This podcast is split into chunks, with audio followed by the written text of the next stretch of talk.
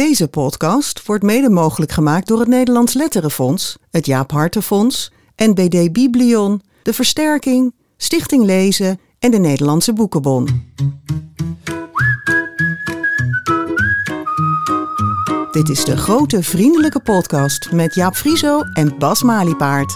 Nou, de eerste aflevering van een eh, heel nieuw GVP-jaar, Jaap. En eh, wat ontzettend fijn dat we dit jaar ook weer mooie afleveringen mogen gaan maken. Nou. En natuurlijk dankzij onze vrienden van de show. Ja. 400, hoeveel hebben we er nu? 440? 40? Oh Vandaag ja, mooi volgens mij. getal. Ja. 440. Ja, dank daarvoor. Ja, maar ook de fondsen die eh, in de zogenaamde sponsor call altijd aan het begin van Ja, het die programma net voorbij komen? Zeker. Ja. En daar zit dit jaar een, eh, een nieuwe naam bij. Ja, een, eh, een deels vertrouwde naam, het heet Jaap. Ja. Ja, het eh, Jaap Hartenfonds. Wij Ja. krijgen dus niet het Jaap Frieso Fonds. Nee, daar heb ik al zoveel aanvragen gedaan. Dan krijg ik nooit... Nou, die, die investeert genoeg in deze podcast, zou ik zeggen. Maar eh, nee, het Jaap Hartenfonds. En eh, het is een- het fonds van de... Of ja, van. Hij leeft niet meer, maar hij heeft het bij leven opgericht. Jaap Harten was een schrijver en...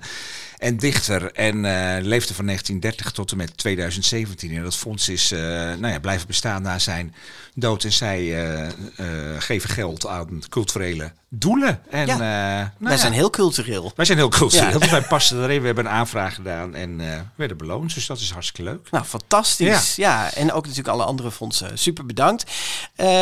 Even schakelen, want voordat we naar de gast van vandaag, de eerste gast van 2024 gaan, nog even nieuws dat vandaag naar buiten kwam. Ja, Ben jij eh, eigenwijs, Jaap? wat vind jij?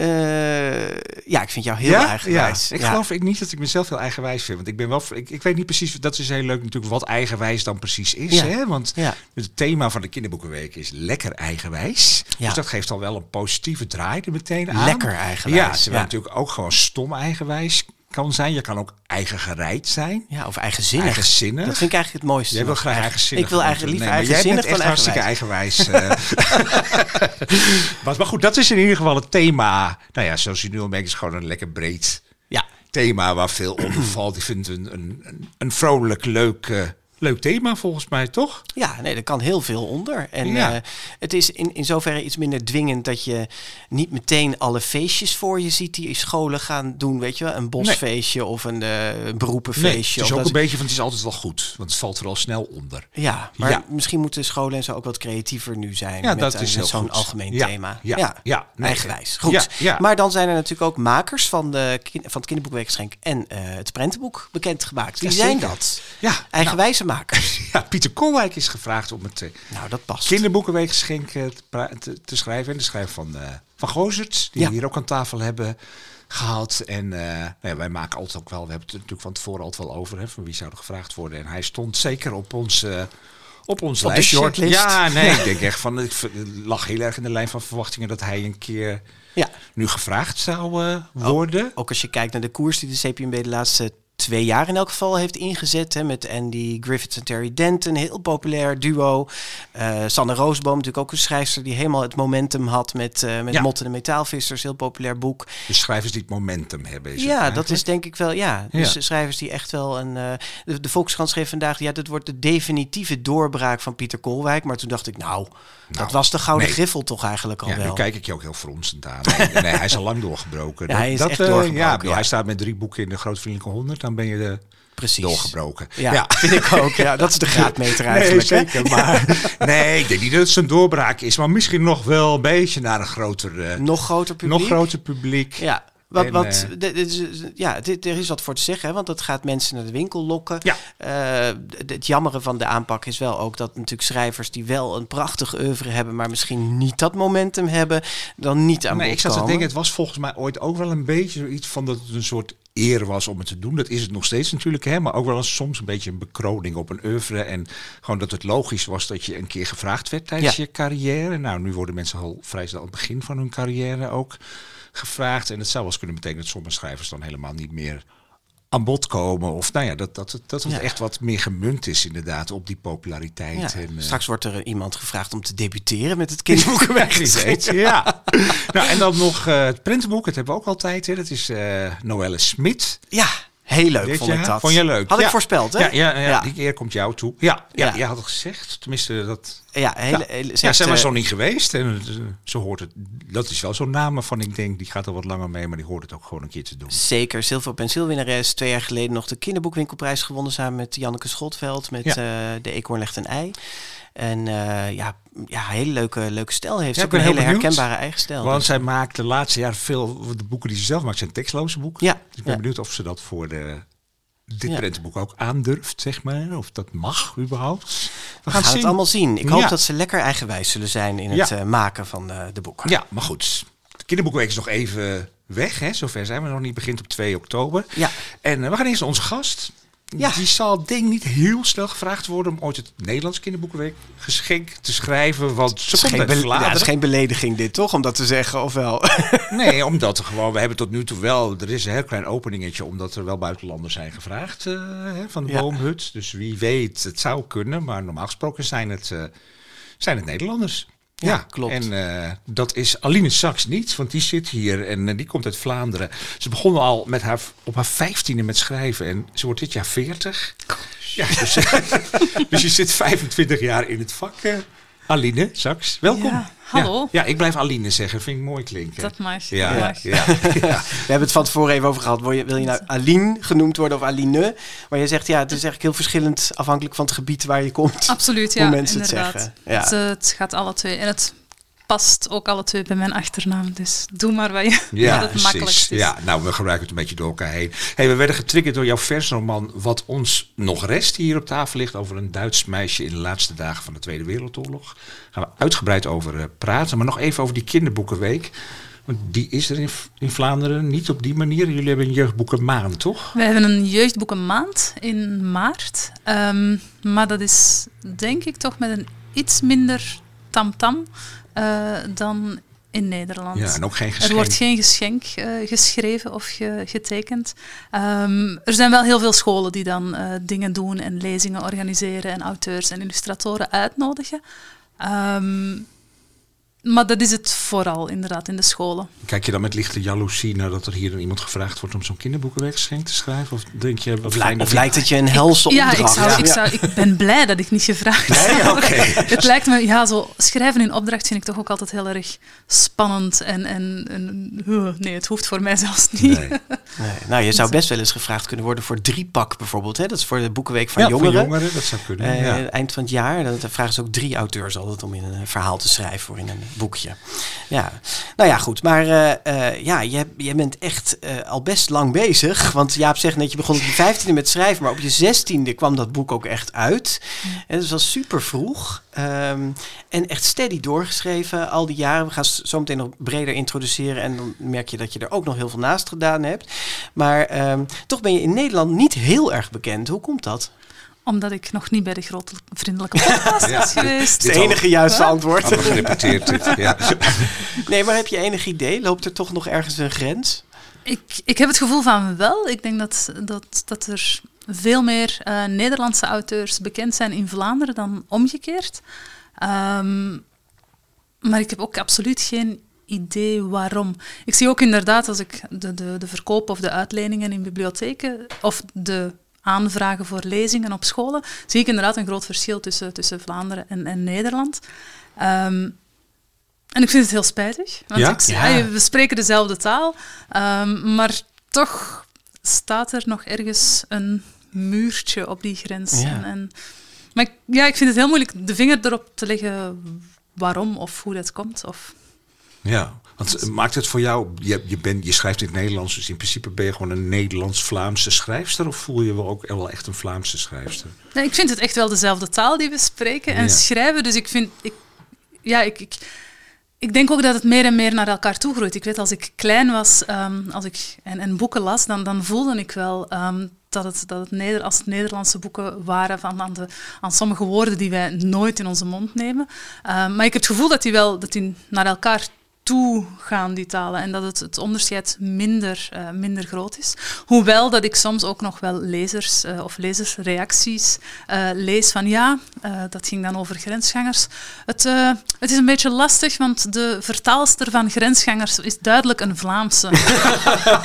en dan denk ik, ja, oké. Okay. Ja, dus ja. ik heb het gevoel dat, dat wij misschien ook, omdat wij, ja, ik ben opgegroeid met heel veel Nederlandse boeken, ja. um, dat ik makkelijker die taal of de, de, de taalverschillen um, incorporeer en gewoon daarover lees. Maar omgekeerd, um, Vlaamse nee? uitdrukkingen worden soms oh, toch ja. wel uh, nee, door ik heb lezers Ik heb nu de afgelopen weken een aantal boeken Dus, uit je uh, gelezen. En ik kan wel merken dat je...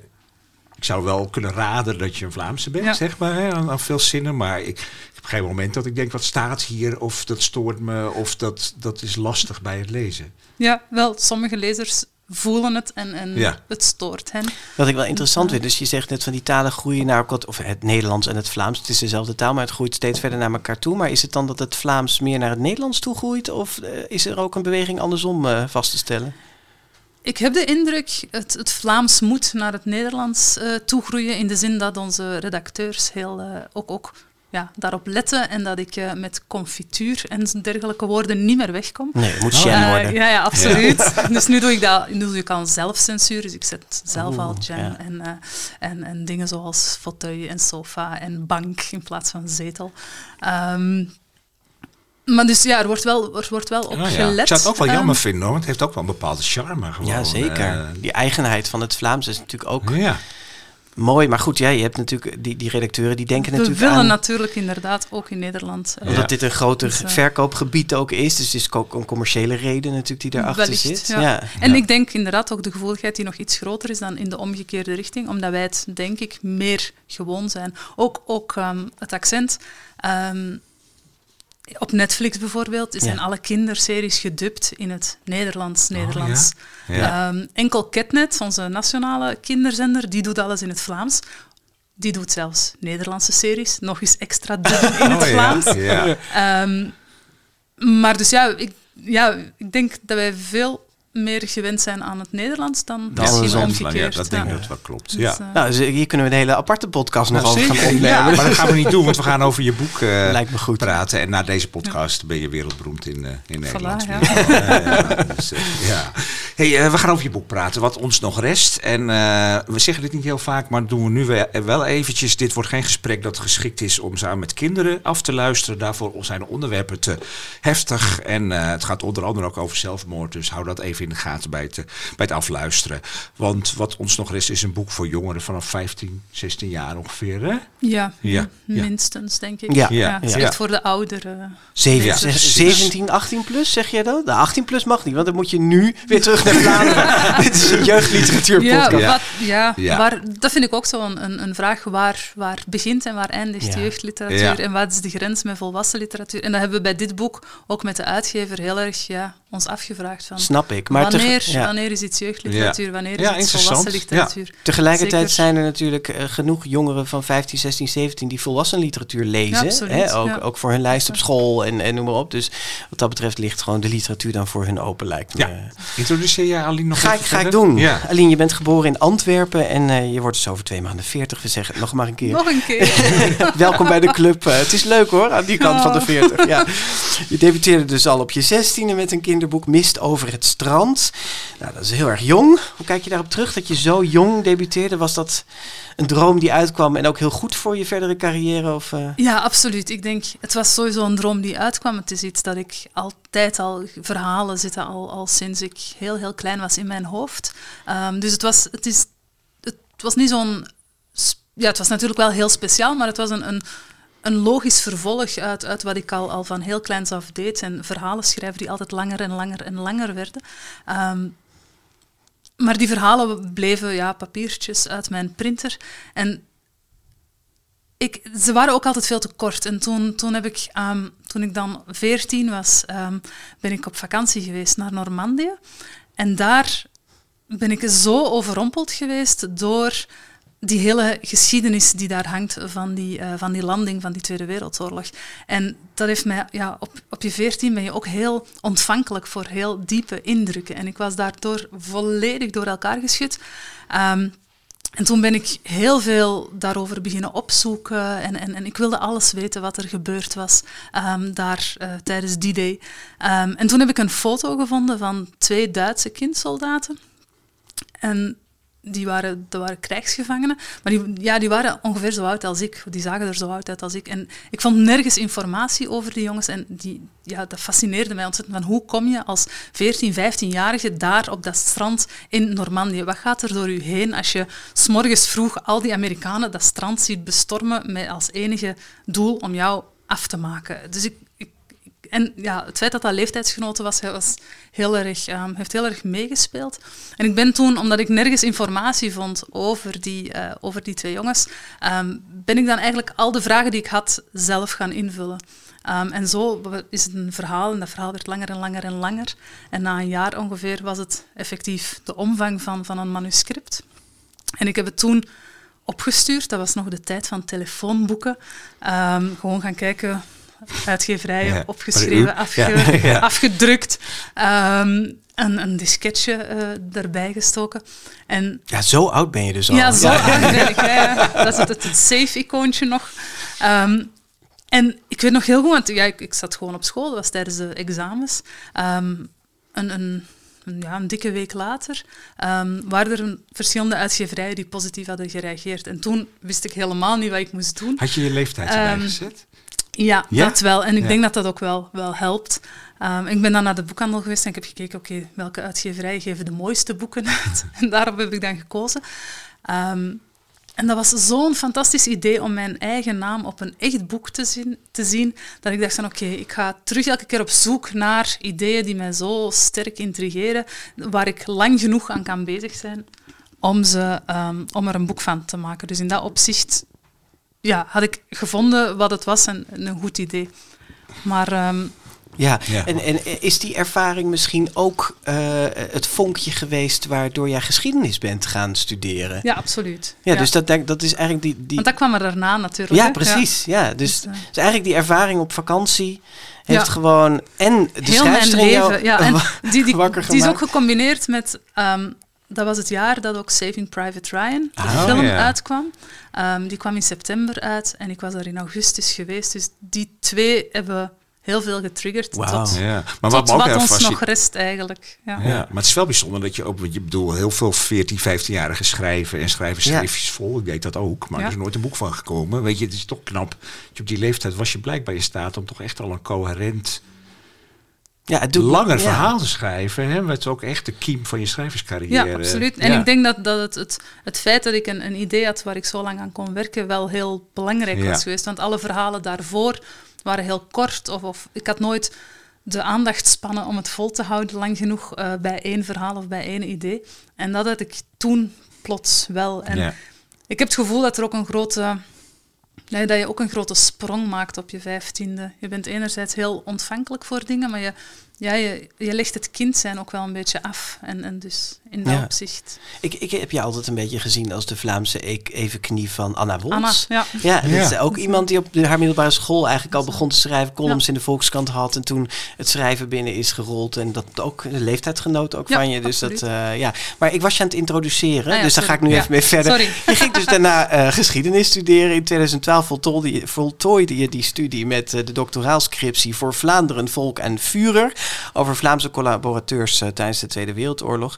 Je gaf ondertussen les aan verschillende universiteiten en dat doe je nog steeds deels. En daarnaast ben je onderzoekscoördinator bij het historisch projectbureau Geheugencollectief. Klopt allemaal dat nog? Klopt allemaal. Goed zo. Ondertussen zat je niet stil als kinderboekenschrijver. En inmiddels heb je, nou ja, we hebben net zitten tellen. Je zei ja, het ligt een beetje aan hoe je telt en wat je meetelt. Maar we, hebben, we zijn erop uitgekomen om en nabij de 16, 17 boeken gepubliceerd in diverse genres. Waarvan de meeste dus historisch getint zijn. Een paar titels even. Grensgangers, Het meisje en de soldaat. De kleuren van het ghetto. En een tweeluik, tweeluik dat heeft Jaap uh, vorige week nog helemaal herlezen. Ik had het uh, heel lang geleden al gelezen. Een tweeluik over landverhuizing aan het begin van de 20e eeuw naar Amerika.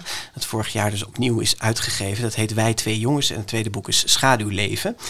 Je bent voor je verschillende boeken veelvuldig genomineerd en ook in de prijzen gevallen. Onder andere bij de Kinder- en Jeugdjury in Vlaanderen, ehm, bij de Gouden Lijst, eervolle vermeldingen en de Kleine Cervantes. En eind vorig jaar verscheen je nieuwste boek. Dat hebben we hier dus op tafel liggen. Daar gaan we over praten. Een historische roman over het einde van de Tweede Wereldoorlog vanuit Duits perspectief. Wat ons nog rest. Ehm, en over dit boek gaan we nu met je praten. Wil je om te beginnen de eerste zin voorlezen? Ja. De kaarsen staan laag bij de grond. Ja, dat is een hele korte, Een korte zin.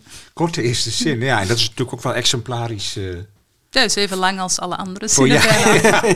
Want er staan eigenlijk alleen maar korte zinnen eh, in dit boek. Hè. Wij, wij noemen dit een, eh ja, een, een versroman. Het ziet er eigenlijk uit als een soort lang gedicht. Zinnen zijn opgeknipt en weer verdeeld over meerdere regels. En dat zie je opmaken ook van alles mee gedaan. Eh, hoe, hoe zou jij het noemen? Ja, inderdaad. De verse novel, versroman, is een beetje, denk ik, de term die past. Ja, en wat, wat is daar voor jou de definitie van? Goh. Ehm, het was ook niet zo echt een, een, een, een beslissing om een bepaald genre te schrijven, eh, maar ik kende de, de verse novels van, van andere auteurs en ik vond dat een, een goede manier om dit verhaal ook te vertellen. Ehm, en ja, de definitie is dan een beetje, het is een, eh, een verhaal in, eh, in vrije vers. En het is effectief een verhaal, dus het is wel een roman, het is geen, het is geen gedicht. Ehm, maar de taal is, is poëtisch en in Ja. vers, dus heel kort. Ja, het, zit, het, zit dichter Dus, wel eh, tegen proza aan dan ja, tegen absoluut. poëzie. Ja, ja, Alleen ja. de vorm, waar, hè, de bladspiegel en Ja. hoe het eruit Ja. ziet. En er Ja. zit er weer veel techniek uit de poëzie. eh. Blieft? Er zitten weer veel technieken uit de poëzie in. eh, Ja, ja. maar het is wel, wel echt inderdaad een roman. Ja, Dus, ja. en jij zegt net verse novels, hè, dat je die van andere auteurs kent. En dat komt omdat we eigenlijk in de Nederlandse taal geen versroman nog kennen. Eh, in elk geval Nee. niet zoals deze voor, voor jongeren. En uit, uit de Anglo-Saxische wereld wel. Hè. Er zijn Ja. verschillende auteurs die dat eh, doen. Nou, die eerste zin, de kaarsen staan laag bij de grond. Eh, we willen eigenlijk meteen vragen, wil je om ook even een beetje die toon en die sfeer van, van die versroman eh, te horen, ook meteen gewoon verder lezen na die Ja. eerste zin? De kaarsen staan laag bij de grond. Als hun vlam uitgaat, worden kinderen opgetild en in de lucht gestoken. Het zuurstofpeil is weer wat opgeschoven. Duizenden monden, duizenden longen, steeds dezelfde licht, in en uit, in en uit. We luisteren. Door het bidden, het jammeren, het huilen heen, luisteren we naar buiten waar de bommen vallen. Als de grond trilt, stroomt zand tussen de kieren van het plafond in straaltjes naar beneden. De bommen vallen langer, harder, dichter. Voor de verjaardag van de Führer. Hij zal ons redden, zeggen de mensen. Met nieuwe wonderwapens. Hij zal het tijd doen keren. Ik weet niet meer wat ik moet geloven. Waar blijft hij dan? onze Führer. Ja, waar Ja. blijft die dan, onze Ja, Führer? Ja, het leest ook heel anders voor dan een eh, gewone roman. vind ik leest veel makkelijker Ja? voor, vind Ja. ik. Ja. Ja, nou, over die vorm gaan we straks nog wel wat uitgebreider hebben. Maar eerst even over de inhoud. Want mensen willen natuurlijk weten waar het boek over, eh, over gaat. Ehm, het gaat eigenlijk over mensen die jij in je boek ruïnevrouwen noemt. Ja. Ja, dat vonden wij een mooie term. Heb je die zelf verzonnen of bestaat die? Nu moet ik toegeven dat het een eh, vertaling is uit het Duits. Ja. Eh, de Trümmervrouwen, dus de ruïnevrouwen in het Duits, is effectief een term ehm, om de vrouwen die overbleven in de gebombardeerde steden, steden in Duitsland aan te duiden. Dus helaas, ik kan de pluim niet op mijn eigen hoed steken. Ja, maar je hebt hem vertaald. Is, eh, Heel goed vertaald. Ja, het is dus een bestaande term Ja, voor die vrouwen die achterbleven Ja. in de steden. In dit geval is dat een 17-jarig meisje Ja. dat achterblijft samen met haar moeder. En eh, ja, hoe, hoe ontstond dat idee eigenlijk om, om over haar te schrijven of over deze ruïnevrouwen? Wel, als je, als je kijkt naar, of als je, ja, een oorlog is altijd een mannenverhaal. Ehm, de, de, het zijn altijd mannen die vechten en mannen die beslissingen nemen. Ehm, en ik vond het ook wel interessant om te kijken van, ja, wat, wat gebeurt er dan met de vrouwen? Waar zijn die op dit moment? Ehm, en die zitten dus nog altijd, die kunnen niet weg. Die zitten nog altijd in die platgebombardeerde eh steden en die moeten daar ja, op hun, op hun eentje of, met, hun, met hun familie, maar dus zonder de mannen moeten zij wel blijven overleven. Ehm, en ik vond, ik vond het een heel interessant uh, invalshoek om inderdaad te gaan kijken naar waar zijn de vrouwen terwijl de mannen aan het vechten zijn, aan het front zijn. Um, en dus heb ik gekozen voor, voor een meisje um, in die ruïnes van Berlijn. Ja, hoe, hoe, zie jij de positie van die vrouwen? Waren ze echt alleen maar overgeleverd aan het geweld wat de mannen over ze uitstortten? Of hebben ze zelf ook nog een rol gehad in die oorlog? Ik denk dat ze op dat moment, in, in dus op het einde van de Tweede Wereldoorlog, niet veel meer konden doen. Dus dan zitten ze effectief in die ruïnes en, en je kan niet voor of achteruit. Um, natuurlijk, als je gaat kijken naar, naar ja, het aandeel van, van de oorlog, of in de oorlog, um, vrouwen hebben ook ja, bepaalde opvattingen en, en, en, en, en zijn voor of tegen de oorlog. Of dus, dus in dat opzicht zijn ze niet anders dan de mannen. Um, maar de, de, de agerende actoren mhm. zijn wel um, altijd de mannen. En ook, ook op dat moment, hè, het, gaat, het gaat dus over die laatste dagen van de Tweede Wereldoorlog, um, is het wel een, een, een volledige sfeer of een volledige omgeving vol met mannelijk geweld. Um, ook, de, ook de Russen die, die uh, de stad overvallen. Um, ook dat is, is, daar zitten ook de vrouwen dan weer, weer, weer tussen. Ja. En, en je, nog even, je zei, ik vroeg waarom juist hierover. Je was nu, het is een deels vergeten, een beetje vergeten verhaal, of onderbelicht verhaal eigenlijk. En, en je was heel nieuwsgierig naar. Ja, het is ook heel lang um, niet verteld geweest, omdat uh, de, ja, om, omwille van verschillende redenen. Enerzijds de Duitsers als, als verliezers van de oorlog en ook ja, aanstokers uiteraard van de oorlog. Dus het verhaal van de Duitsers vertellen is, is niet evident, um, is lang ook niet um, getolereerd geweest. Ja. Um, not done. Not, not. ja. ja. Um, en ook, ook die vrouwen zelf um, zijn pas, pas in de jaren negentig daarover beginnen um, ja, getuigen eigenlijk. Want natuurlijk, zeker ook wat de Russen gedaan hebben uh, toen ze Berlijn binnentrokken, ja, de Russen waren uiteindelijk wel de overwinnaars. En dus enerzijds zijn dat verhalen over heel grote schaamte voor zowel de vrouwen als voor, voor hun mannen.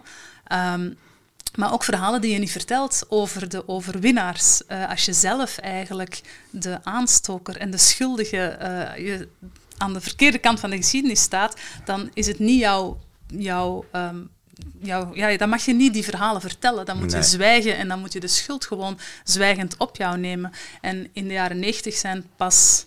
Er zijn al een aantal um, verhalen vroeger naar buiten gekomen, maar dus dat was, de Duitsers zelf hadden het daar ook heel moeilijk mee van, ja, we kunnen niet het slachtoffer gaan spelen. Nee, precies. Dus het ehm, zijn verhalen die gaan eigenlijk over slachtofferschap.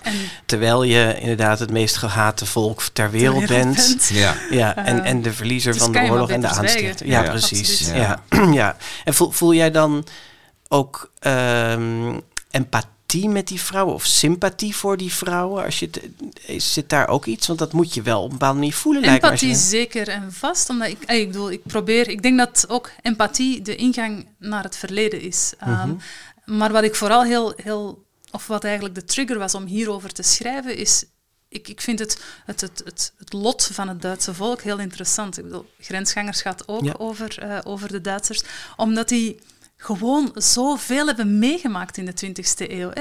Dat, dat is twee, twee wereldoorlogen, um, maar ook van de ene dictatuur in de andere op een paar generaties tijd. Dus ja, want Grensgangers is een boek wel even voor de duiding over, over Oost- en West-Berlijn en de val van de muur. En, en dus dat speelt zich af in, in, in Oost-Berlijn, waar dus je inderdaad aan het communisme hebt.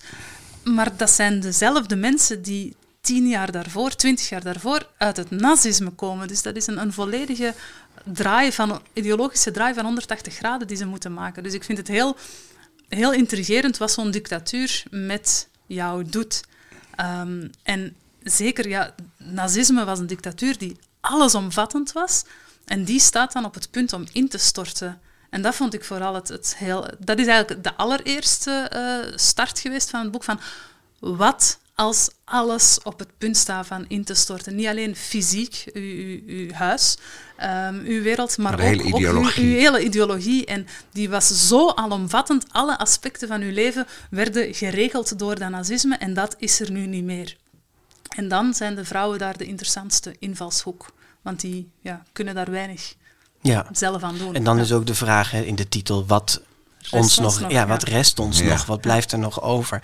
Eh, je hoofdpersoon, eh, ja, tot bijna aan het eind kennen we haar naam eigenlijk niet. Hè? Vind je het goed als we hem nu noemen of heb je dat liever niet? Ja, hij is al zoveel genoemd. In, Ja, eh, maar- maar je mensen vinden het makkelijk dat ze een naam heeft, want ik had ze helemaal geen naam gegeven. Mhm. Het is eh, de redacteur die gevraagd heeft om er een Oh ja? naam in te en waarom, steken. waarom had je haar geen naam gegeven? Ik vond het niet nodig. Ehm, ik heb wel vaker in mijn boeken dat ik niet de moeite neem om namen eh, te Ik moet verzinnen. eerst zeggen, mij eigenlijk niet eens was Dus, opgevallen. Ehm, ik vond het ook niet nodig Nee. om haar een naam te geven, omdat het, het gaat heel erg vanuit zichzelf. En, en je staat bij je eigen naam ook helemaal niet stil. Ehm, en in het begin is ze wel nog bij mensen die, die haar kennen. Ehm, maar de vervreemding met anderen die haar naam niet kennen, en haar naam wordt ook nooit genoemd, omdat er die grote vervreemding is met de anderen, vond ik symbolisch wel, wel goed. En helemaal op het einde komt ze weer bij iemand die haar naam wel kent en die haar naam wel noemt. En toen zei de redacteur, maar wat is haar naam dan? Ja. Nou, ik had daar dus iets heel symbolisch achter gedaan. Ik denk, zij heeft het helemaal zo geconstrueerd dat het hele boek door die naam niet, maar dat, dat soort van begin van het leven na de oorlog of Ja. zo. En dat is dan het moment dat we haar naam eigenlijk voor het eerst pas Ja. Absoluut. Het is ook zo. En, en in, de, in het eerste, de oorspronkelijke versie stond ook van dat, eh, dat haar nicht, hè, waar ze op het einde eh, bij komt, dat haar, haar naam voor de eerste keer wel noemt. Maar ik had haar naam gewoon niet genoemd. ja, ja, En dat, ja, ja, dat ja. was van, ja, ja, nee. ze, ze- voor alle Dus, luisteraars, ze heette Henrike. ja. Ja. Eh, Spoiler, spoiler. Hoe, eh, wat, wat voor beeld heb je van Henrike zelf bij het schrijven in je hoofd gehad? Wel, ik heb nooit een, een, een fysiek beeld. Nee. Ehm, dus hoe ze eruit ziet, beschrijf ik ook, ook niet, omdat ik dat niet relevant vind. Dat kan Zij vertelt zelf. dit hele verhaal Ja, eigenlijk het is vanuit haar, Ja, uit ja. haar verteld. Ehm, ik vind haar wel een heel sterke, ehm, een heel sterke persoonlijkheid. En daar was ik niet zo mee.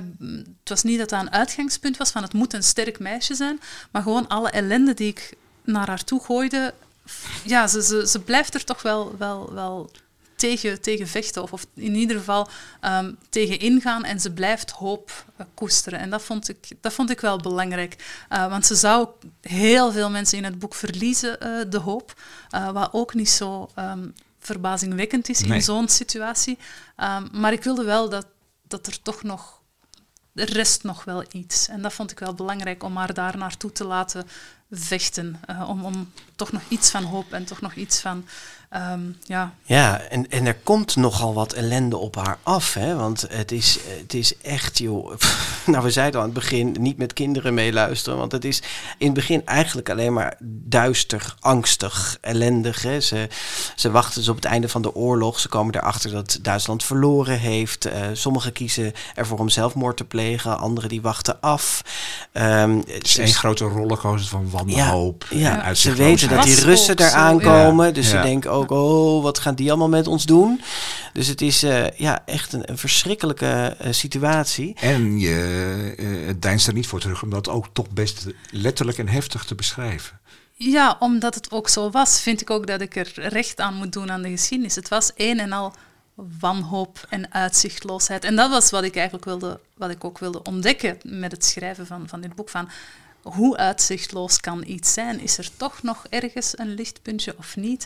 En ik vroeg het mij de hele tijd af van hoe, hoe uitzichtloos kan een situatie zijn? En ik denk Ja. dat het voor de Duitsers toen, op het einde van de oorlog, echt heel, heel uitzichtloos was. En heel veel van de heftige dingen die, die ik schrijf zijn ook wel echt. Ik bedoel, die zijn echt gebeurd. Je Ehm, geresearched. ik heb- en ja, ja. dus, dus het, het, het is niet overdreven, denk ik. Zelfs, ik weet niet of ik het heb kunnen, kunnen evenaren, de uitzichtloosheid van die, van die tijd. Ja, je beschrijft eh, heel mooi in het begin, de, of mooi, ja, het, het is mooi geschreven, maar het is heel aangrijpend hoe, hoe zij in een huis zit waarvan de deur nog dicht kan, maar de hele af, achtergevel open staat. Zo schrijf je Ja. het ook. Eh, ze zitten in de kelder over het algemeen. Die bommen die vallen op straat, is het eigenlijk meestal gewoon maar uitgestorven, want ja, je kunt zomaar geraakt worden. Ehm, ze zit in de kelder met een aantal buren. Ja. Er zit ook een buurman bij en die heeft een, een, een, een potje gif bij zich, een flesje gif. Voor ja, als het moment komt dat hij eigenlijk liever uit het leven stapt dan, eh, dan zich overlevert aan, eh, ja, aan en de dat was, Russen. dat was effectief ook een, een gedachte die bij heel veel mensen leefde van er is niks meer na het nazisme. Nee. En, en die dus inderdaad ervoor kozen om dan liever zonder het nazisme niet meer te leven. Um, en de, de, inderdaad, het gif, de cyankali, werd ook gewoon vrij verkocht. Uh, bij wijze van spreken, uh, zoals uh, zakjes chips, werden die ehm, verkocht. Dus Dat- de radeloosheid van de mensen is bijna niet te vatten. Nee, nee, en dat is dan, eh, ja, het is een beetje simplistisch misschien om dat nu zo te zeggen, maar dat is door alle propaganda die ze jarenlang eh, Ja. te verstouwen hebben gekregen, Ja. is dat beeld bij hunzelf eh, echt, ja, die overtuiging helemaal intrinsiek geworden, zeg maar. Ja, absoluut. Dat is twaalf jaar lang eh, anti-bolsjewistische propaganda. Hè. De Russen zijn het, het, het- de grootste nachtmerrie die ons kan overkomen. Ehm, het hele weefsel van, hè, van het nazisme is weggevallen. Dus er, er blijft alleen die mega grote dreiging van, eh, van het bolsjewisme over. Ja. En dat is inderdaad heel effectieve propaganda. De nazi's konden wat van hun propaganda. Dat is echt helemaal ingecijpeld. Mensen hebben dat geïncorporeerd twaalf jaar lang. Ja. En dus dat uit zich nu in heel grote angst. Ja. Ja. En da- dan krijgen we dit stukje te lezen. Ja, dat is, gaat dus over die buurman. Eh, en hij gebruikt niet het flesje eh Siankali. Eh, er gebeurt iets anders. Wil je dat, eh, ja, heftig stukje, wil je dat voorlezen? Op zijn sofa ligt Herschwan, onderuitgezakt. Het pistool nog in zijn mond. Zijn hersenen tegen de muur. De Siankali was niet genoeg. Nee, dat, is, nee, dat komt binnen. Hè? Dat is, ja. En je zegt zo was het, dat, dat, dat geloof ik. En het was misschien erger, maar de vraag is natuurlijk wel... Doen niet alle auteurs schrijven dat ook op die manier op. En zeker niet in een jeugdroman. maar jij hebt het toch heel letterlijk opgeschreven. Ja, hm, ja. Ik, vind ook niet dat... Je, ja, ik bedoel, als je, als je dit thema kiest, moet je het niet verbloemen. Dan kan je beter over iets anders schrijven. Ehm, dus ik vond het wel belangrijk om de dingen ehm, te benoemen. Maar er is wel nog, je hoort het niet als ik het zo lees natuurlijk, maar er is wel nog, vind ik dan, de, de, de sluier van de vrije vers. Dus die had ik echt wel nodig. Ehm, dus de, de poëzie, of, of dus de, de, ja, het, het Ja. beperkte schrijven, dus de vrije versvorm, had ik echt wel nodig om dit... Ik zou dit nooit in proza hebben je, kunnen en vertellen. wat bedoel je met sluier?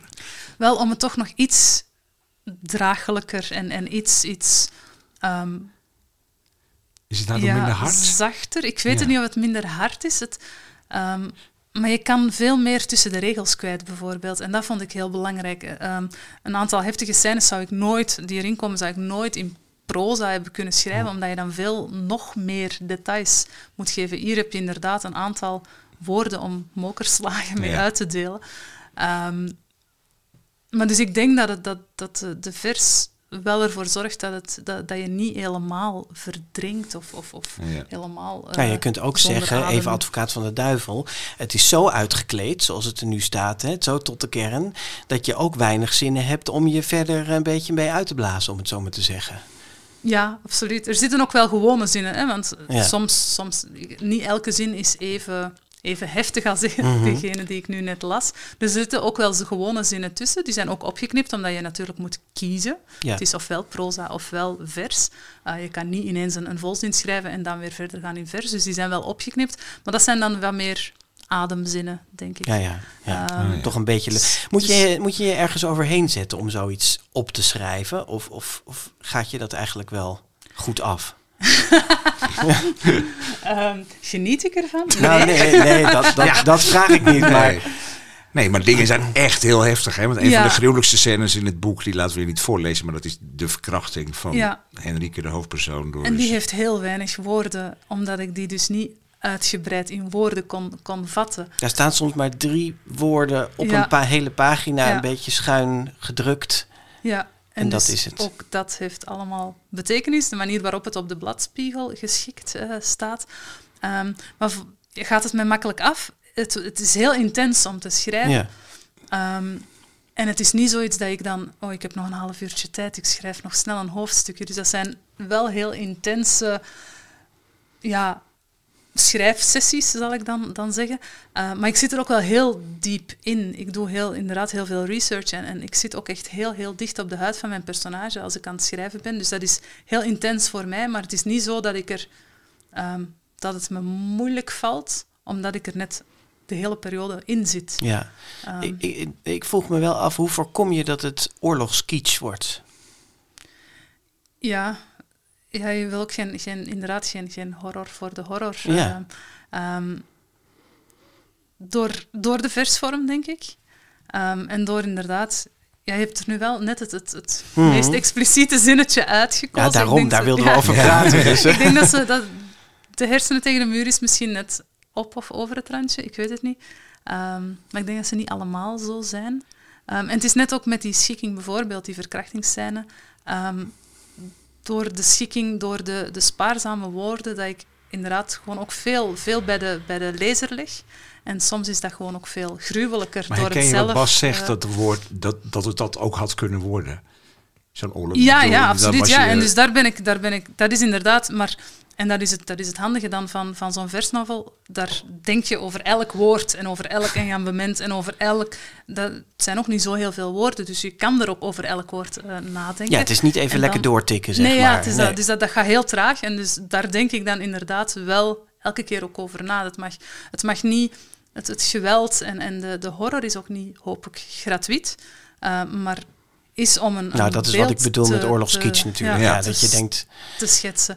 Ja. Het is niet Nee, dat is het geen- niet. Want zeker in zo'n verkrachtingsscène komt enorm... Je moet echt naar adem happen bij het lezen. Terwijl er maar heel weinig woorden staan. Maar het is...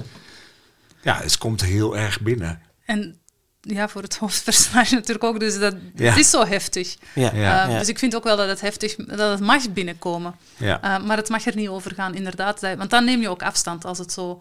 Ja, als de ledematen in het rond vliegen, bij wijze van spreken, dan, neem je ook, ja, afstand. En ja, dat, dan, voelt het, niet wel, meer, dan ja. voelt het ook niet meer echt. En dat, dat blijft toch uiteindelijk, misschien we proberen er nu woorden aan te geven, maar het blijft misschien uiteindelijk toch intuïtie van de schrijver. Van hè, wan- hoe lang blijft het? Ja, smaakvol is een beetje een gek woord in dit eh, verband. Maar, ja, wanneer eh, gaat het erover of wanneer ja, niet? Ja. Ja, en een beetje inderdaad ook... ook ik heb ehm, het, het boek laten meelezen. Mhm. Ehm, door, door, door drie lezers die inderdaad ook wel zeiden... die, die ik dan ook vraag van, gaat het, is het erover of is het er niet Oké. over? En dat zijn mensen die... Wie zijn dat? Die je heel erg vertrouwt? Of die? Ja, dat zijn, ehm, dat zijn drie mensen die, die ook zelf eh, eh, schrijven. Ik heb ze ook genoemd eh, vooraan. En, en ja, we komen elke maand samen en dan, ehm, dan lezen we... Ja, Ja. ja. Schrijfmatties, ja. Ja. En er- is, ja. Je hebt het eigenlijk al een beetje gezegd, maar er is een, een groeiend besef over ja, de realiteit zoals wij die vanuit geallieerde positie zeg maar kenden hè, eh, bij de personages, zeg maar de afbrokkelende propaganda. Ze hebben verloren, alle beloftes van de Führer, die bleken uiteindelijk dus niks waard. Wil je daar een, eh, een stuk over voorlezen? Het is een dialoog tussen Henrike en Wilhelm. Dat is een buurjongen op wie ze eh, verkikkerd is en die... zeg, ik dat, zeg ik dat niet goed? Ja, het is, het, ze, ze hoopt dat het Wilhelm is, maar het is eigenlijk een andere Ah, ja, soldaat. oh, sorry, ja. dat heb ik dat even verkeerd. Dus, eh, Ehm, en, maar hij, hij keert terug eigenlijk eh, uit het leger omdat hij is gedeserteerd. Eh, daar komt het Wilhelm wel. Ja, ja, Wilhelm. Ja, ja, dus precies. ehm, dit stukje is een beetje verder in het verhaal als ze een onbekende eh, Duitse soldaat tegenkomt ehm, die wel, ze hoopt, ja, die wel de stem heeft zoals Wilhelm, Ah, precies. toch Ja, niet zo, is. Ja. Ja. Het is dus de soldaat die inderdaad begint. In het begin was het gemakkelijk. Je ging er gewoon in mee. Toen we Rusland binnenvielen, waren we sterk, snel, onoverwinnelijk, met het gelijk aan onze zijde. We maakten deel van iets groots.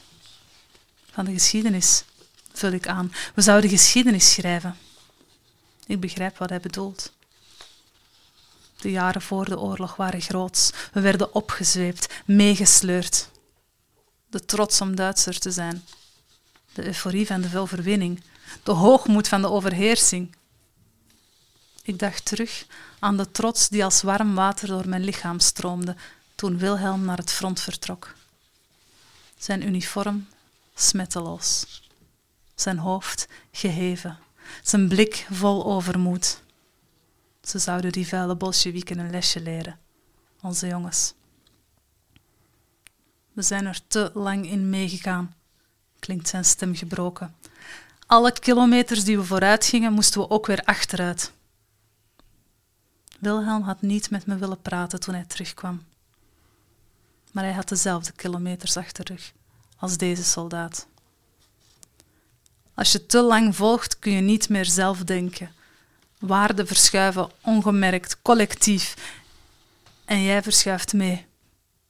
Het is geen kwestie van willen of niet willen. Je doet het gewoon. Het zijn niet slechte mannen die slechte dingen doen. We zijn het allemaal. We deden het allemaal. Tja, zo'n passage die ontzettend veel zegt, denk ik, hè? over heel veel oorlogen, over heel veel mensen. Bijvoorbeeld een zin die opvalt is waarden verschuiven ongemerkt, collectief en jij verschuift mee. Het is geen kwestie van willen of niet willen. Vroeg ons wel af, is dat zo? Er zijn toch ook wel wakkere mensen, mensen die zeggen ja, dat, dat je zo'n verschuiving wel een beetje opmerkt. te weinig. Nou, ja? Te weinig van die mensen. Ja, ja, maar het ontneemt mensen in die zin ook een beetje van, van verantwoordelijkheid. Je kunt ook zeggen van waarom heb je het niet gemerkt? Ik weet niet of het een van een verantwoordelijkheid ontslaat, maar ik geloof wel dat, je, dat, het, dat, het, dat dingen gradueel uh, verergeren. Um, en dat, het gaat hier specifiek over, over de soldaten die dus ja, de Weermacht die gewoon ook meedeed. En het, het werd als, alsmaar driester en driester. En er is geen moment waarop, of, te weinig momenten waarop mensen zeggen van, ho, stop. Ja, geen reflectie. Um, geen... Nee, dus, dus je, je, je daalt effectief af in altijd diepere en diepere en diepere um, ja, ja. vreedheden. Ja, en, en, als je iets heel vreeds ja. hebt gedaan, dan is, het, dan is dat altijd gepasseerd. Maar erger en erger, ja. Dus ik geloof wel dat, dat dat dat het grote gevaar ook is. Um, als je van, van, van vrede naar Auschwitz gaat op een dag, dan zullen er wel veel mensen zeggen van, ho, dit kan niet. Maar het is dat, het, spiraal, de spiraal naar, die neerwaartse spiraal die het gevaarlijk maakt als je niet op tijd aan de noodrem trekt, dat je, dat inderdaad helemaal, helemaal mee zit. En dus heel veel Duitsers zaten gewoon helemaal mee, omdat ze niet op tijd de reflex hadden om, om te zeggen van dit mag niet, dit kan niet. Dus het is niet het, front, het, het ontlopen van verantwoordelijkheid, maar het is inderdaad niet op tijd kunnen stoppen. Ja, en jij kunt je blijkbaar heel goed inleven in hoe dat dan, hoe zo'n mechanisme dan werkt. Ja, ik, ik weet het niet. Ik, ik heb, ik, het is allemaal natuurlijk uh, uit tweede hand, maar ik heb inderdaad heel veel gelezen en ook heel veel um, um, uh, je doctoraalscriptie ging ja. er toch ook over, ja, hè? Ja, en die ging, die ging inderdaad over de, over de Vlaamse collaborateurs. En daar, daar was ook wat, wat ik wilde weten van waarom hebben die mensen gedaan wat ze gedaan hebben? Binnen welk wereldbeeld past dat dan? Uh, dus ik heb heel veel brieven um, en heel veel uh, getuigenissen gelezen om, om te proberen snappen, inderdaad. Um, en, en dat heeft dan ook weer te maken met empathie, wat helemaal niet hetzelfde is als sympathie. Mm -hmm. um, dus om, maar om om zo'n verhaal te schrijven ook moet je iets of wat um, begrijpen. Ja, het is waarom, meer begrip en ja, inlevingsvermogen. Dus, ja, dus begrijpen wat ook niet hetzelfde is als begrip opbrengen voor. Hè. Dus, dus ik, ik, breng geen begrip op voor de Duitsers, maar ik, ik, ik probeer wel te zien hoe zo'n dingen, hoe je tot op dat punt geraakt. Ja. ja. Ja, en blijkbaar is er dus dan een punt waarop, zeg maar, de, ja, voor zover dat bestaat, maar soort de algemene menselijkheid die je als mens hopelijk hebt, dat die uitgeschakeld kan worden of zo, of ja, uitgeschakeld ik, wordt. Ik, ik, ik, ben meestal heel positief van inborst, maar ik denk inderdaad in zo'n oorlog dat de menselijkheid veel wordt weggekrast. Ja. Um, en dat je inderdaad ja, je waardekader helemaal verschuift en, en, ja. Ja, Kijk je ook met die, uh, met die blik naar oorlogen die nu gaan dus, hè? Wel, ik vind, ik, ik vind het heel griezelig als ik de, de berichtgeving over, over Oekraïne volg. Want ik heb het gevoel dat die heel erg lijkt op, op die Tweede Wereldoorlog. En op, op zowel Oekraïners als Russen. Um, dat ik denk dat er gelijkaardige dingen spelen en, en gelijkaardige afgeleidingen. Spiraal uh, ja, schaamde. absoluut. Ja. ja. dat is een hele treurige constatering, toch? Ja, ik weet het. Ik vind het ook niet zo, zo leuk. Um, en ja, ja, ik ben niet zo... Ik, ik, daarom dat, dat, dat ik hoop voor, voor Henrike wel belangrijk vond. Um, dat zij niet... Ze, ze zit natuurlijk mee in dat systeem. Ze zit ook al twaalf jaar in dat systeem. Um, maar dat ze toch wat weerwerk uh, biedt. Dat ze toch niet, het niet wilt opgeven. Dat ze toch blijft vastklampen aan het moet. Er is nog iets na het nazisme. Dus, uh. Ja, uh, en voor heel veel mensen is dat er dus niet meer. Hè? Er is niks na, na het nazisme. En er komt één scène in voor die, dat is ook, nou, dit is, volgens mij is dit gewoon het gruwelijkste gesprek wat ze in de geschiedenis van de GVP hebben. Straks nog leuke dingen. nee, nee eh, maar er zit een scène in en ik hoorde daarvan in, in een ander interviewtje dat je hebt gegeven dat je dit niet zelf bedacht hebt. Gelukkig maar zou ik haast zeggen, maar ook ongelooflijk dat het Mhm. gebeurd is. Dat een heel dorp collectief zelf, zelfmoord heeft Ja, gepleegd. absoluut. En dat was dus ja, die angst voor die... De angst voor de oprukkende Russen was, was ja, boven verbeelding. Ik bedoel, dat inderdaad Dat was Ja, het einde van de wereld. Ja, eh, nee, dus, dus dat nazisme was alles voor, voor heel veel mensen. Ehm, en dat is er nu niet meer. En Nee. die Russen waren al twaalf jaar lang als de grootste monsters afge, afgeschilderd. En dat heeft ja, een effect gehad op heel veel mensen. En dus die zelfmoordgolven, ehm, dat is dus inderdaad niet, niet verzonnen. Zo gruwelijk zou ik het niet verzinnen. Soms, ja, de, Ja, de precies. werkelijkheid is Ja. gruwelijker dan wat ik zelf Dan zou de fictie, verzinnen. ja. En ja. is de, de zelfmoord van Hitler, is dat een belangrijke trigger ook geweest in die omslag van mensen? Van nu is het echt Afgelopen. afgelopen? Hij Ja, laat ons in ja, de steek. Ja, Ja. absoluut. Ja, dus dat was echt van, ja, wat, nu is het echt, echt gedaan. Ja. Ehm, Dat, wat we niet gezegd hebben is na die verkrachtingen waar we het er straks over hebben gehad door die Russen, eh besluit Henrike Berlijn te verlaten. Hè? Dus dan, en dan laat ze ook haar, haar moeder zelfs achter. Hè? Dus ze kiest echt voor een pad alleen. En eh, zij, zij zwerft op dat moment dan door Duitsland heen op, op weg naar eerst naar nergens en hoopt richting de, de geallieerden te Ja, eerst komen. Amerikanen, ja, ja. eerst de Amerikanen en later buigt dat. Nou, dat gaan we niet allemaal verklappen hoe dat het zit. Er zit één moment in dat eigenlijk het Joodse verhaal heel kort eventjes ja. om de hoek komt kijken. En verder is dat helemaal, dat is natuurlijk in de wereld van Henrike is dat ook nog geen bekend gegeven voor haar, wat daar gebeurd is. Of een beetje misschien. ja ze, ze, ze weet natuurlijk dat de Joden vervolgd zijn. En, Ja, en ja, precies dat wel, Of ja. ze zich Auschwitz kan inbeelden, is de vraag. Maar ze weet best wel, eh, wil, Duitsers wisten wel Ja, dat het niet goed ging met de mensen Nee. die gedeporteerd gingen. Ehm, en ze stelt zichzelf ook die, die vraag. Hè. Dus inderdaad, op een gegeven moment ziet ze... Want dus ja, je moet u dat Duitsland ehm, in, in mei 45 is een, een, een chaos van mensen. Je hebt enerzijds de Duitsers zelf, hè, dus de, de, de vluchtelingen die ook vanuit het, vanuit het oosten, de door Duitsland bezette gebieden, Sudetenland en zo, ehm, voor de Russen uit eh, vluchten naar het, naar het westen. Het idee was de Amerikanen zijn menselijker. Ehm, dus je hebt heel veel Duitse vluchtelingen die, die uit de steden of van voor het Russische leger uit vluchten. Eh, maar je hebt ook heel veel andere eh, mensen. Ehm, inderdaad, de, de bevrijde concentratiekampen. Ehm, je hebt ook de, de, ehm, de verplichte werkgestelden, Ja. dus, dus Nederlanders, Belgen. Dus heel wat Europeanen die allemaal terechtgekomen waren in, in Duitsland, die plotseling ehm, vrij zijn en daar dus ook overal door, Ja, ja, doorheen ja. ehm, lopen. Dus is- en dan heb je de, de, ja, de, Dus de legers natuurlijk, van- dus een kluwe van, van Jan en alle man, om het zo maar te zeggen, die daar door elkaar ehm, op weg is naar de helft weet niet naar waar. Ehm, en dus dan ziet zij inderdaad ook zo twee vrouwen die ehm, uit, een, een concentratiekamp komen. Ehm, en dus haar reflectie is inderdaad wel van oei, wat is er gebeurd? Maar ze weet wel dat ze heeft weggekeken. En dus dat vond ik ook wel belangrijk. Dus de, ze, ze beseft wel dat ze heeft weggekeken veel te lang. Ehm, ze kan het zich niet inbeelden wat er dan exact gebeurd is.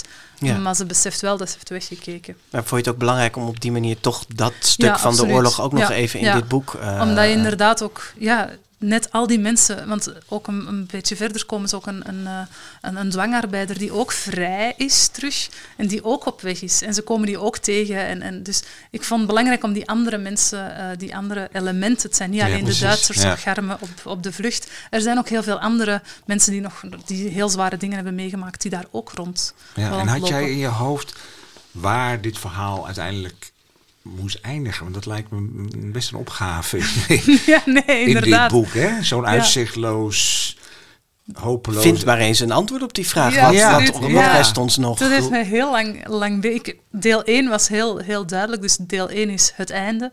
Ehm, dus het, het speelt zich, dat is het deel dat zich in, in Berlijn afspeelt. Dat was heel duidelijk voor mij. Maar dan had ik inderdaad van ja. Verhaal technisch gewijs zit ik met een, een probleem. Want ja, de spanningsboog, de normale spanningsboog van een verhaal is omgekeerd aan de spanningsboog van de geschiedenis. Daar gaat het gewoon altijd maar naar beneden. Maar ik, ja, je moet dus ik wist inderdaad heel lang niet van wat, wat wil ik met dat tweede deel, of waar moet dat tweede deel naartoe gaan. Um, laat ik er een grote tijdspanne tussen en, en doe, ik, doe ik iets als, als al zoveel verder zijn. Ja. of zo. Ja. ja. dat heb je niet gedaan, nee, gelukkig maar. Omdat ik inderdaad ook vond dat, dat er moet iets zijn na het nazisme. En dat wilde ik dan laten. Dus, dus eerst komt ze, ze voelt zich heel alleen. Um, ze, eerst, ze vertrekt eigenlijk vanuit die angst voor, voor de Russen, um, maar dat verglijdt dan naar, naar eenzaamheid. En ze gaat dan wel nog op zoek naar iets van, van zingeving. En zij gelooft wel dat er toch nog iets is na het nazisme. En daar wou ik het dan eigenlijk naartoe laten gaan. Ja, en het antwoord wat je geeft is heel mooi. En tegelijkertijd denk je wel, als je het hele boek gelezen hebt, hoe, hoe kun je hier ooit mee omgaan. Wat, je, wat hier gebeurd is. En het wegkijken wat je hebt gedaan ook. Hè, wat je net ook zegt. En, en ergens staat dat ook wel in het boek. Hè, van het is nooit over. Daar nee, ja. En ik denk ook dat dat was, dat was de centrale vraag. Van hoe kom je hier weer uit? Ja. Ja. Um, als, als mens. En, ik zat wel ik zou best nog een boek willen lezen over hoe het daarna, ja, nou ja, hoe het daarna met Henrike is gegaan. Want ja, ik vraag het is wat, het wat ze te dragen heeft. Ja. ja. Wat, uh, uh, zullen we nog even naar de vorm gaan? Ja, zeker. Hadden we beloofd ook. Ja, dus dat moeten we doen. Ja. Ehm, want wat ons in elk geval opviel, nou, we noemden er straks al, het is in de Anglo-Saxische young adult literatuur best, nou ja, niet gebruikelijk, maar het komt best vaak voor. Hè. Stephen Herrick heeft een aantal, Australische schrijver, een aantal versromans geschreven. Sarah Crossan is natuurlijk vrij bekend. Ook Jason Reynolds en Jacqueline Woodson hebben versromans ook in allemaal Nederland. mooie boeken. Allemaal mooie boeken. Wel ook allemaal heftige boeken. Het zijn, wij, wij, wij zeiden tegen elkaar, we moeten de eerste komische versroman nog lezen. Dat is, Ik denk dat het misschien net zich net leent ja. tot, ja. tot, uh, voor drama, tot, uh, voor zware dingen. dingen. Om het net een beetje draaglijk te maken. Je zei ook al, het schrijft niet zo lekker door als proza. Je bent niet eh, lekker aan het tikken. En, en nee, de tijd, het, is echt puzzelen. Um, je hebt ook al een beetje verteld wat, wat, wat deze vorm eh, je, je brengt. Maar misschien is het goed om nog even bij dan dat verschil tussen proza en poëzie stil te staan. Wat zijn dan poëtische technieken? Wat is je poëtische gereedschap wat je gebruikt in, in dit boek? Wat ik het allerbelangrijkste, of waar ik het meest bij stilgestaan heb en waar ik elke, uh, elk woord mee over nagedacht heb, is, is de. Dus de afbreking van de regels. Um, dat is denk ik uh, het grootste, of, of het, het, meest, dat, dat, dat, dat geeft het meeste betekenis. Mm -hmm, dus mhm. elke ja. afbreking heeft een bepaalde betekenis. Bij elke zin, ja. over elk woord ja. kan ik, ga ik hier afbreken of ga ik daar afbreken. Dus de afbreking is, is het meest betekenisvol. Um, denk ik.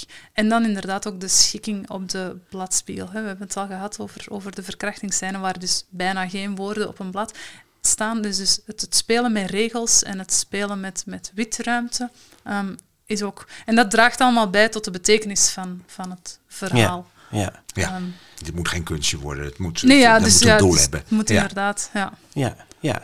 Uh, en, en, en wij hadden verder, wat, wat wij... Wat, best wel opvalt als je het leest. Even los natuurlijk van al die afgebroken zinnen. Maar dat is ook de alliteratie die je soms uh, gebruikt. Ja. Omdat als je zeker als je het een beetje hardop in je hoofd voorleest, dan hoor je dat op een gegeven moment gewoon. Hè? De radio knort en sputtert, komt onverwacht tot leven en spuwt spetterende trompetten de kelder in. Nou, dan hoor je natuurlijk heel veel S, de, al die T's, al die S'en. Dat, uh, en, je, en, en, je stuurde onszelf ook nog een voor, voorbeeldje dat er ergens staat bezweet, bemodderd, bebloed, beschaamd. Ja. En dat is ook al die, al die lekkere je, je hebt, niet je hebt niet eerder poëzie geschreven, of wel? Nee, soms moet het ook gewoon mooi, mooi zijn. Ja. Dus, dus die, die, die, ja, het, als, als alliteraties of, of rijm, of, ligt ook meer een beetje weer de nadruk op, um, op die woorden. Dus als ik, als ik dat nodig had om de, bijvoorbeeld de bezweet, bemodderd, bebloed, beschaamd, dat gaat eigenlijk over het, over het uniform van, van Wilhelm. Dus het zijn, heel, zijn eerst heel, heel gewone beschrijvende termen. Dat uniform is uh, bezweet, dat is bebloed, dat is bemodderd.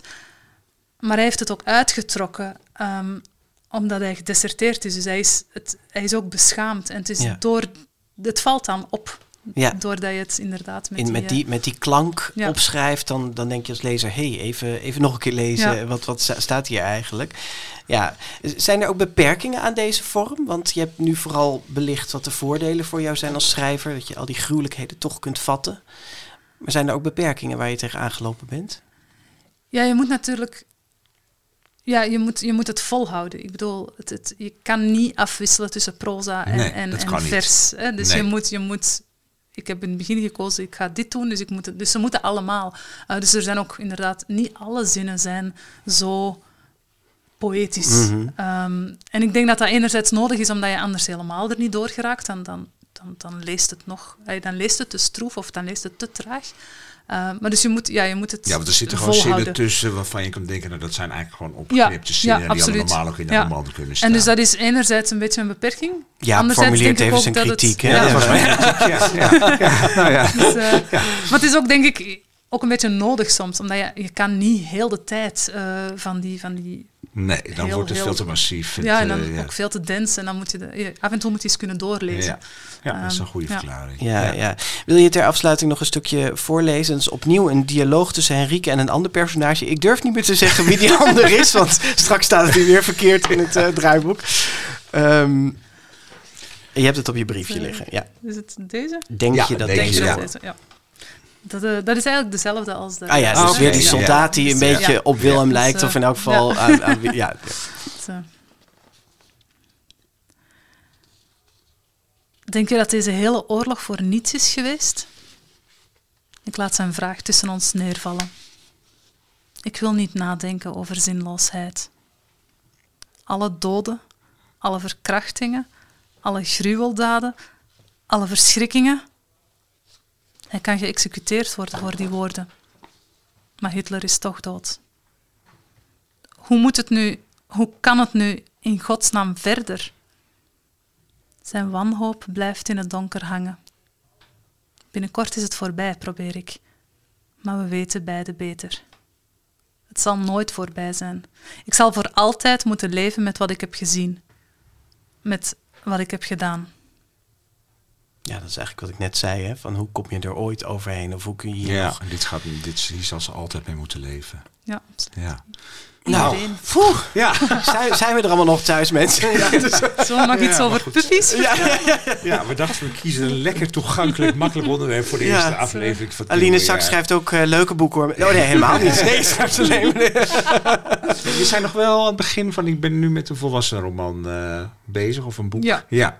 Of, of mocht dat nog niet gezegd worden? Je Ja, kijkt ja, dat was voor de opname. Oh, volgens is dat mij namelijk. Oh, Ja. Nee, ja, ja, nee. ja. Ehm, dat was niet zo... Ja, ik, een, een, een verhaal dat dan toch misschien meer aanleunt bij volwassenen. Dus geen, geen carrièreplanning of zo, maar... nee, precies. ja. We verliezen je niet voor de jeugdliteratuur. Nee, ik denk het niet. Nee. Nou ja, het mag, en het mag duidelijk zijn dat dit boek natuurlijk ook eh, door volwassenen Zeker. gelezen Ja. kan worden. En eh, ja, wat mij betreft, als we het nou over schoolbezoeken hebben en zo, dit lijkt me ook echt eh, bij uitstek een boek waar je prachtig op de middelbare school Nou, over hebt kan gewoon praten. Hoe mooi eruit, of mooi, maar ja, toch hoe, hoe dat voorlezen werkt. Ja. Dus dat kan ook heel goed. Ja. Ja. Goed. Straks horen we nog eh, of je de laatste zin uit het boek wil voorlezen. Is nog even spannend misschien. Want dat, eh, nou ja, hopelijk wel, want het is prachtig. Maar eerst eh, dit, want daar gaan we ook in het nieuwe jaar mee door. De grote vriendelijke parel. Ja, welk boek jij graag wilt delen met onze luisteraars, dat vragen we altijd aan onze gasten. En toen jouw antwoord binnenkwam, Eline, toen ging de helft van ons enorm glimlachen.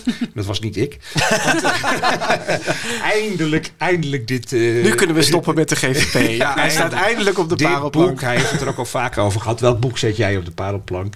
Wel, mijn favoriet is De Wonderbaarlijke Reis van Edward Tulane van eh, Kate DiCamillo. Ja, daar ga je het er lekker samen even over hebben. En dat is, een veel, een, dat is toch een, een leuker, mooier boek. dan, Zeker, eh, zeker. Ik zou dat gaan lezen. boek. Eh, Laat ons nog rust. Ja, maar eh, vertel even waarom het voor jou, want ik heb het al heel vaak verteld. Waarom is het voor jou een parel? Wel, ik heb het gelezen als volwassene. ehm, en het is een boek voor, ik denk, tienjarigen. Ja, of zoiets. vanaf eh tienjarigen. Maar het is, het is hartverwarmend. Ehm, en ik vind, ik was heel erg onder de indruk om twee dingen eigenlijk. Enerzijds ehm, hoe, dat je, hoe dat ze het, het hoofdpersonage ehm eh, vormgeeft. hè. Dus het, het hoofdpersonage is Edward Tulane. En Edward Tulane is geen sympathieke. Edward Tulane is een ontzettend arrogant, eigenzinnig, hautain, egocentrisch porseleinen konijn. Ja. En je leeft daar ontzettend mee mee, ondanks zijn afschuwelijke karakter, in het begin toch. Ehm, en het tweede wat ik zo fantastisch vind, is dat je het hele verhaal door ehm, nooit het gevoel hebt van, ah ja, nu heb ik het wel nu, nu snap ik het wel. Dus zelfs als, als volwassene word je ook nog verrast door de reis, eh, de innerlijke reis dan, die eh, Edward Tulane maakt. Ja, hij leert wat liefde is, daar komt het Ja, eigenlijk op neer. Hè? En Kom zijn koude porseleinen hart ontdooit. Het is een heel eigenwijs konijn, begrijp ik. dat is een mooie Ideaal. thematitel. Ideaal. Ja, Ja, dat kan in de kinderboekenweek dan eh, op de plank. Het is verschenen in 2006 eh, bij Querido, vertaald door Marta Heesen. Het heeft ook een zilveren griffel gekregen, mede dankzij mij, want is, ik zat destijds in de, in de jury. Het is niet meer leverbaar. Ik heb nog even bij Lano gepolst of ze het zouden willen heruitgeven, want die brengen tegenwoordig de boeken van Katie Camillo uit. Dit verscheen dus bij Querido. Daar kreeg ik nu nog geen eenduidig antwoord op. Dat moeten Eh, ze echt doen. ja, ik Ja. zou zeggen of Querido geeft het opnieuw uit, Ja. of Lano eh, eh, geeft Ja. het opnieuw uit. En Maar, misschien is dit het setje dat het boek dan toch eindelijk een keer in de grote vriendelijke honderd komt, hè? Ja, Dat is jouw een- aanbeveling van, eh. Aline Sachs. Nou, we gaan het Ja. zien. De rest ons nog één eh, ding. Ja, wat ons nog rest. Wat- nou, de laatste zin. Ja, dat zeg ik dat mooi. Ja, en die laatste zin, dat, dat, eh, ik hoop dat je die wel voorlezen, want dat is... Ik ben blij dat we toch met de laatste zin Ja, kunnen eindigen. Ja. Al wat ons nog rest, is liefde. Ja, ja, Voilà. dan Gelukkig. ja. de laatste zin eh, om deze eerste en ja, best gruwelijke aflevering Nee, van... geen gruwelijke nee, aflevering, zeker maar geen gruwelijk onderwerp. Nee, Ja. zeker. Ja, het Ja. is ook nog Blue Monday vandaag, dus we Oh, zitten ja, wel lekker... Ja. De mensen moeten het nog wel willen lezen. Nee, maar-. Zeker, maar het is een prachtig boek, mensen. Het is echt een bijzonder boek. Het leest, ja, ik bedoel, het is echt een leeservaring. Het is heel eh, aangrijpend, maar je, je, je, ja, je, je houdt er echt wel iets aan over. En dat, Ja. Ja. ja. Ja. Of zeg ik dat niet? Nee, je ja. begint heel hard te lachen. Ja. Je houdt er iets aan over. Ja, soms. nou, nee, blijft je ja, bij. het blijft Ja. je bij, dat wil ik eigenlijk zeggen. Ja, goed. eh, bedankt Aline Saks eh, dat je de reis naar Haarlem hebt eh, willen ondernemen. En dat je met ons wilde praten over dit eh, heel bijzondere boek, Wat ons nog rest. Het is verschenen bij Davidsons Infodoc. En we wensen je een hele goede reis terug naar eh Antwerpen. Dankjewel. Ik vond het een hele eer om hier te Nou, zijn. leuk dat je Hele er was. fijne plek. Ja, je was hier op maandag 15 januari 2024, blijkbaar Blue Monday. Ja. Wist ik eigenlijk niet, er is me ook nog helemaal niks engs gebeurd Gelukkig vandaag. maar, Nee, ja. we zaten weer het komende jaar in kinderboekwinkel Kiekeboek aan de Gierstraat in Haarlem. En gelukkig is onze vertrouwde technicus Mark Brouwer ook gewoon meegekomen naar het nieuwe jaar. Eh, wil je meer lezen over deze aflevering? Ga dan naar onze website, grotevriendelijkepodcast.nl en volg ons op de socials of op Goodreads. En Helemaal weer bijgewerkt, hè, Goodreads. Goed is helemaal Ja, bij geweest. Door onze Ga daar ook even Sophia. kijken. Ja, wij zijn er eh, eind deze maand weer met de eerste grote vriendelijke update van het nieuwe jaar. Tot dan. Tot dan.